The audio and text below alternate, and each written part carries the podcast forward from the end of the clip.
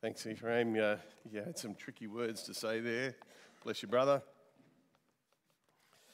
Well, good morning, friends. It's, uh, it's really good to be here and have the privilege to open the Word of God today to you.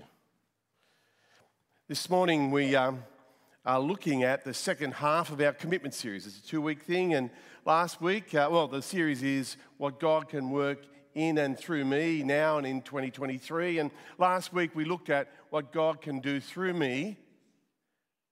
But today we're going to look at what God can do in me now and in 2023.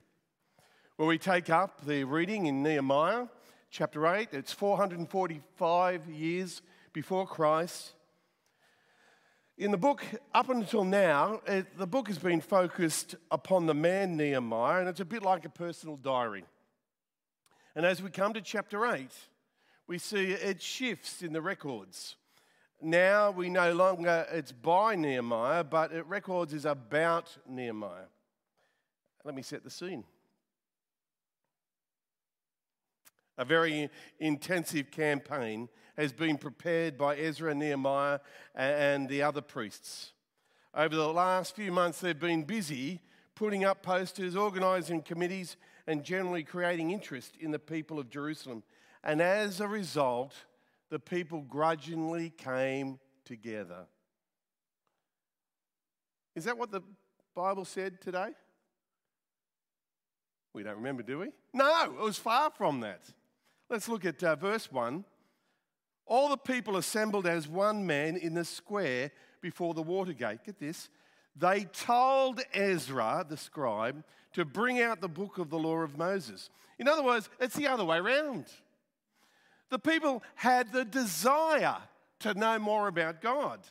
And so they said, Come on, tell us what we need to know. We know that last week um, the walls of Jerusalem had been completed and the people of God had settled and were secure, and they established, they established communities and new homes in the city and surrounding area, and they resumed to normal life after a long time. And then we see, after this has happened, they have a desire, a burning desire to know God more. We read in verse 2 So on the first day of the seventh month, Ezra the priest brought the law before the assembly, which was made up of men and women who were able to understand. Now, this business of understanding comes up three times in this uh, in reading in verse 2, 3, and 8. And the emphasis is on understanding the Word of God. So, firstly, uh, people were brought together who could understand, and then they made every effort to make them understand and then to help them understand. So, on the first day, Ezra stood up on this tall podium and explained the scriptures for six hours at least. And people wanted to hear, they wanted to understand. And they they stuck around for hours on that first day, and then they came back the second day. And they listened to what God had said to them and what they had to do. You see, the Word of God captivated them, and they, they did what they needed to do. Jesus said in the parable of the sower, which is an explanation of all the parables and the purpose of it, he says this to the people who reject God's message. In Matthew 13, you'll be ever hearing, but never understanding. You'll be ever seeing, but never perceiving. For this people's hearts have become calloused. They're the ones who rejected Jesus and the Word of God. And to the godly people, Jesus says, But the one who receives the seed that fell on the good soil is the man who hears the word and understands it. It produces a crop yielding 160 or 30 times what was sown. The hard soil represents the hearts of those who were calloused against God speaking to them. They did not understand. Now, let me speak for myself. I'm a teacher and preacher of the word in this community. And it's my job to make the word of God clear to you so we can listen. That's my job, but it's the work of the Holy Spirit to awaken our consciences, uh, conscience to the Word of God, and so that we can take action and draw near and follow Him. For the preaching and teaching of God's Word to take effect, we need to have softened hearts to the Word of God. And for that to happen, we will grow in our faith and service for Him. You see, we cannot, cannot mechanically bring repentance. It's something we want to do. Change is something, don't we? We all need help in, and we need each other as we do that. But more importantly, we need the help of God working in us to open our eyes and to put God's word into action. And in Nehemiah 8, verses 3 to 6, we see that the Israelites were really wanting to hear and understand and uh, uh, what God had said to them from the Bible. And get this, they stood up as they listened. I don't know about you, but standing up for at least six hours, going, if I said, you know, the sermon's on today, you've got to stand up, you think, Jeff, it's 25 minutes, so that's a bit much. But these guys were at least six hours, and then they turned up the next day. They, out of reverence for God and His Word, they did that. And God mused, the, uh, moved in the people so much. Get this. They had tears rolling down their faces. They listened so attentively. They took the word of God personally.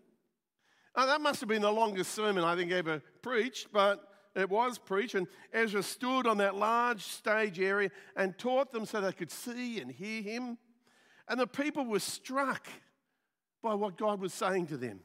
We read in verse 6, we see Ezra praised the Lord, the great God. And all the peoples lifted up their hands and responded, Amen, Amen. Then they bowed down and worshiped the Lord with their faces to the ground. We see here profound respect for God and they wanted to listen and worship and obey him. And something, something beautiful and spontaneous broke out. We read in verse 9 Then Nehemiah, the, the governor, Ezra, the priest and scribe, and, and the Levites who were instructing the people said to them, This day is sacred to the Lord your God. Do not, do not mourn or weep, for all the people had been weeping as they had listened to the words of the law. They started to weep and mourn because they realized what, what they and their ancestors had done. They had turned away from God, and, and as they reflected on the enormity of that, and, and you know, God was so kind to them. The Holy Spirit was moving amongst the people that day, that they could see that they had the horror of their defiance against God. And God brought about a change in their life because the word of God spoke to them in their hearts. And Nehemiah said to the people in verse 10 Go and enjoy choice food and sweet drinks. This day is sacred to the Lord your God. Do not grieve, for the joy of the Lord is your strength. Just imagine they threw the biggest party they could, could do, in which everyone was invited. What was the, the reason for the celebration? Just because they understood God's word. Wow. This was truly a great day in Israel, for God's word had made an impact on them. That with their renewed interest in the word of God, they discovered what God was saying to them, and they changed and, and they changed their living. And in particular, we, as they heard the word of God read, they, uh, we see in verse 14, they rediscover the festival of booths. And in this festival, the, uh, each household would build a cubby house, whether it's on their roof or in their backyard, and uh, they made out of branches. And uh, uh, in these uh, little cubby houses, they'd live in it for a week And this is a graphic reminder how God saved the, the people of Israel in Egypt. For they lived many years uh, in the wilderness in tents. And before they possessed the promised land. And they too could enter into this as well because they knew that they had been in exile away from the promised land, and now God has brought them back and made, made them his people.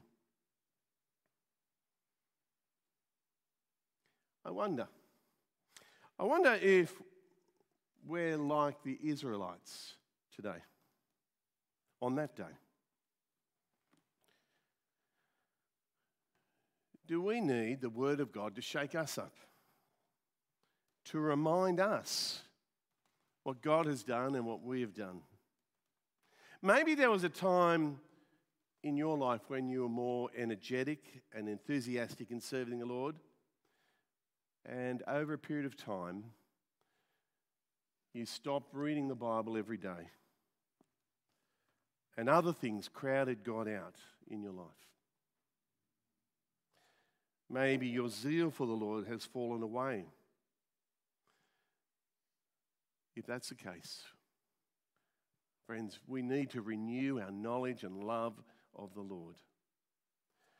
If it could be when you first came to the Lord, you eagerly studied the Bible, you, you used notes, you, you, um, you used your highlighter, you, in your new Bible, you, you read it with enthusiasm. But could it be now that Bible study, let me say, could be more of a chore than a delight? Could it be? Maybe you're the person who's been coming to church for a long time and you develop a habit, dare I say, of turning off. Turning off when God's word is read and explained. And God's word doesn't seem to interest you as much as it used to.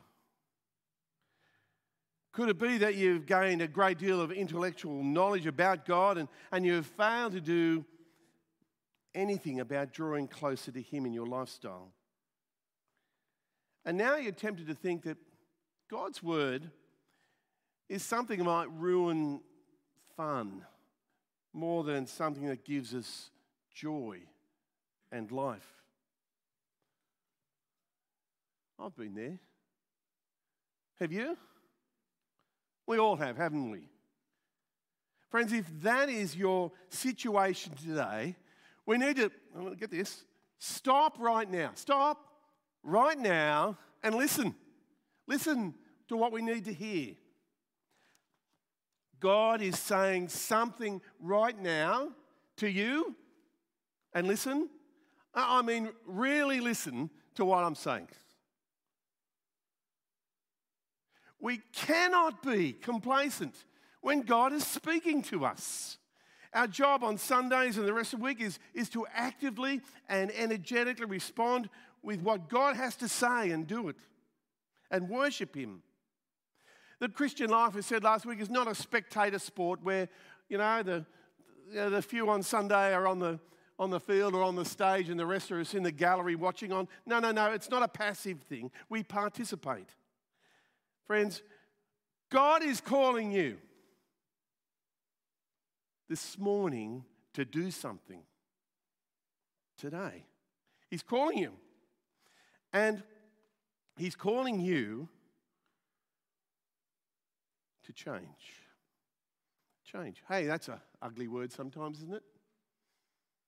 We all want to change in various things in our life, in our attitudes, even our weight or our exercise or whatever. But every day, friends, we should be seeking to, to know more about Jesus and grow in Him and, and, and have our actions and motivations directed by Him. Just stop for a minute. How have you traveled in the last six months? Think about that. Have you grown Have you grown? Have you, are you changing to be more like Jesus? If you have, let us say, that's terrific. God bless you and, and keep going. We've got a long way to go, but oh, it's, it's beautiful to see so many people in this church are like that. But if not, what's the matter? What's stopping you? It's tragic to observe Christians who have been, spent a lifetime in church and in life groups studying the Bible, and their life remains unchanged. Their minds might have been informed, but, but their hearts have not been touched. We must approach God's word and the teaching from it not from some university educational elective as some academic truth, but as a life transforming requirement when God speaks. Friends, life transformation comes when we read the scriptures and, and the Holy Spirit speaks to us and moves in us. That's life changing. And so, do not, do not allow our hearts to be hardened to the Word of God. And like Nehemiah, in Nehemiah's day, when they, they heard the Word read and explained, they cried yes, and then they were joyful. And they threw a party, a party that they heard the Word of God. Going to do something that's, say something that's uh, probably not cultural. But do we hold a party when we hear the Word of God read and explained on Sundays? Do we, do we clap at the end of a sermon? I don't, think I've heard too many. I, I think we might have did that for Dan Jakes, but that was his first sermon. Um, but we, we don't.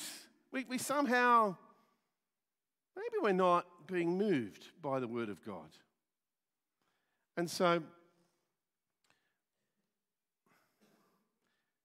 we need to be open to what God is saying. We must come to church and in our life with expectation that God is going to speak to us. We must not grieve the Holy Spirit in our life. Because if we do, we are the ones who are going to miss out in doing that. Do you wish your, your faith to be revitalized in, in your life, in your marriage, in your family, in our church? The first step is to humbly come to Him and listen to what He's saying to us. Then the Holy Spirit will be shaping your mind and your actions. Ezra and Nehemiah put God first in their life and, the, and they obeyed God's word. And He did some marvelous things over time. It might have been tough, but they did some beautiful things for God. If you want your marriage and your kids to be refreshed, if you want them to be following Jesus, friends, we need to have a vibrant, living relationship with our God. And, friends, I want to invite you this morning to walk with me. That's why we have, why we have community and helps each other. Walk with me. Having God's word part of you and changing you. I want to encourage you to read your Bible daily and to pray. I want to encourage you to be in your life group where you've got friends around you to encourage you and sharpen and keep your account and grow in faith. I want to encourage you to listen to podcasts during the week. I want to encourage you to be here every Sunday so that God can speak to us so that we can be refreshed and changed. And this church, our church, is so focused on growing your relationship with the Lord that we want to call you lovingly to be part of that life group, part of coming to church every week, and being in a community together and we want you to be listening to when God is speaking to us and praying to Him every single day. Every day. And we're going to help you take that step right now. There's a bit of application here. Now, we're going to get a bag each. Let's uh, get these out real quickly. In the bag that you have, every adult gets a bag here right now. Every single person in the room gets a bag. And it's your bag, you take it home. Okay? In that bag, I won't wait until we all get it. We want to bless you in your hearing God's word. And in that bag, I want you to draw, pull out, there's some glossy brochures. Some glossy brochures. Just pull them out. There's one or two of them there. In this brochure, The Grace for Every Season, how are we going? We've all got one now? Not quite. Down the front here. In this brochure here,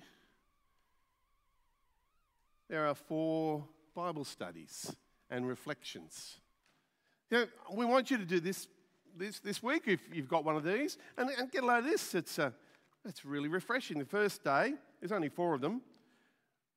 When you work for the Lord, His grace and God prospers His children. Next day, when the Lord wrestles with you, His grace and God often awaits our complete surrender. Third day, when you make restitution. And the last day, when you lose your way. Like, I, I want to know that. I want a word from God every day to shape me. And, and I want you to take this home and do it this week. There's only four of them. If you got uh, this other one, which is, um, I think there are seven in this one. And again, this is about the seven churches and all the different responses to God. I mean, friends, here we go. Here's something you can take home and do. And uh, whether it's early in the morning or late at night or whatever the best time for you is, we want you to immerse yourself in the Word of God. I'm going to invite Josh to come up here. But before he, we do something, in addition to that, I've got a number of books here. I've got a, a, a, verse a day, one verse, and a devotion for every day of the year. I've got a very simple verse for every day of the year again. Or read through and, and a, a journal with, with what God is saying and then Paul Tripp's book on a passage and going deeper. Thanks, John. If you want one of those, put your hand up, and uh, we've got four or five of them. If you want one, it's yours, free. We want to help you right now. Now, if you miss out, come and talk to us over morning tea. We have a few more, all right? Just to help you this week and every day of the year to grow in your faith. Josh, uh, there's uh, another way to do this. There is. Uh, so uh, you've got a QR code up there or a flyer in your bag. Again, like Jeff said, there's so many good ways to do it. But if uh, one way which might help you to do it uh, is to take advantage of some technology, we have that code which you can take a, a, picture of on your phone. Uh, what that will take you to, some of you are familiar with the YouVersion Bible app. Uh, some of you might not be, but it's the kind of number one across the world uh, app on your phone for reading the Bible. Um, if you scan that code and you don't have that app on your phone, it'll take you to the Play Store or the App Store and you'll be able to download that app. Um, if you do have the app on your phone, it'll do a little bit more than that. Um, it'll open that application on your phone and invite you to join uh, with me and anyone else at Life AC who wants to in doing a Bible reading plan between now and Christmas, preparing our hearts a little bit for Christmas. So uh, you can kind of see the logo of it up there. The boy who is Lord uh, is a 45 day Bible reading plan Uh, and across those 45 days, it's just a couple of verses each day to slowly work through Luke chapter 1 and 2. Right, so, all the way up to Christmas, just reading through that Christmas narrative, a few verses uh, each day. Uh, but as well as those few verses in the app, there's then a devotion reflecting on those few verses, and then a third tab for those who would like to do it to then write their own personal reflections. And those of us who do it together can see one another's reflections, uh, so that it's an opportunity for anyone who would like, uh, who would like to kind of have the convenience of doing your Bible reading on your phone, to join together in a bit of community, prepare ourselves in the lead up to Christmas with some short Bible readings, a devotion on that, and then a chance to actually post some of our reflections for one another's encouragement. So if you would like to do that, uh, feel free to scan that one now or take that flyer home um, and set it up at home. Josh, is it just your phone? Going to go on your computer as well? You can do it on your computer. Uh, if anyone likes using version on your computer, there's a URL uh, just on the top of that flyer as well. Now, my understanding is if you put that URL into your phone, it'll cause all kinds of little confusing things that you'll have to work your way through. That's not the ideal way to do it on a phone. The QR code will work best um, on your phone. But if you're, for example, on a laptop, um, or uh, on your desktop computer at home. If you type in lifeac.org.au slash Bible, that will take you to the YouVersion site and bring up that invitation to join us for the plan. Thanks, Josh.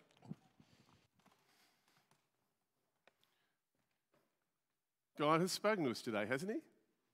That we've got to listen to Him and change and ask the Holy Spirit to work in us. Well, I'm going to ask that we join together in a prayer, and I'll finish off the prayer. And it's on the screen there, I hope. Is it there? Not yet. It's coming.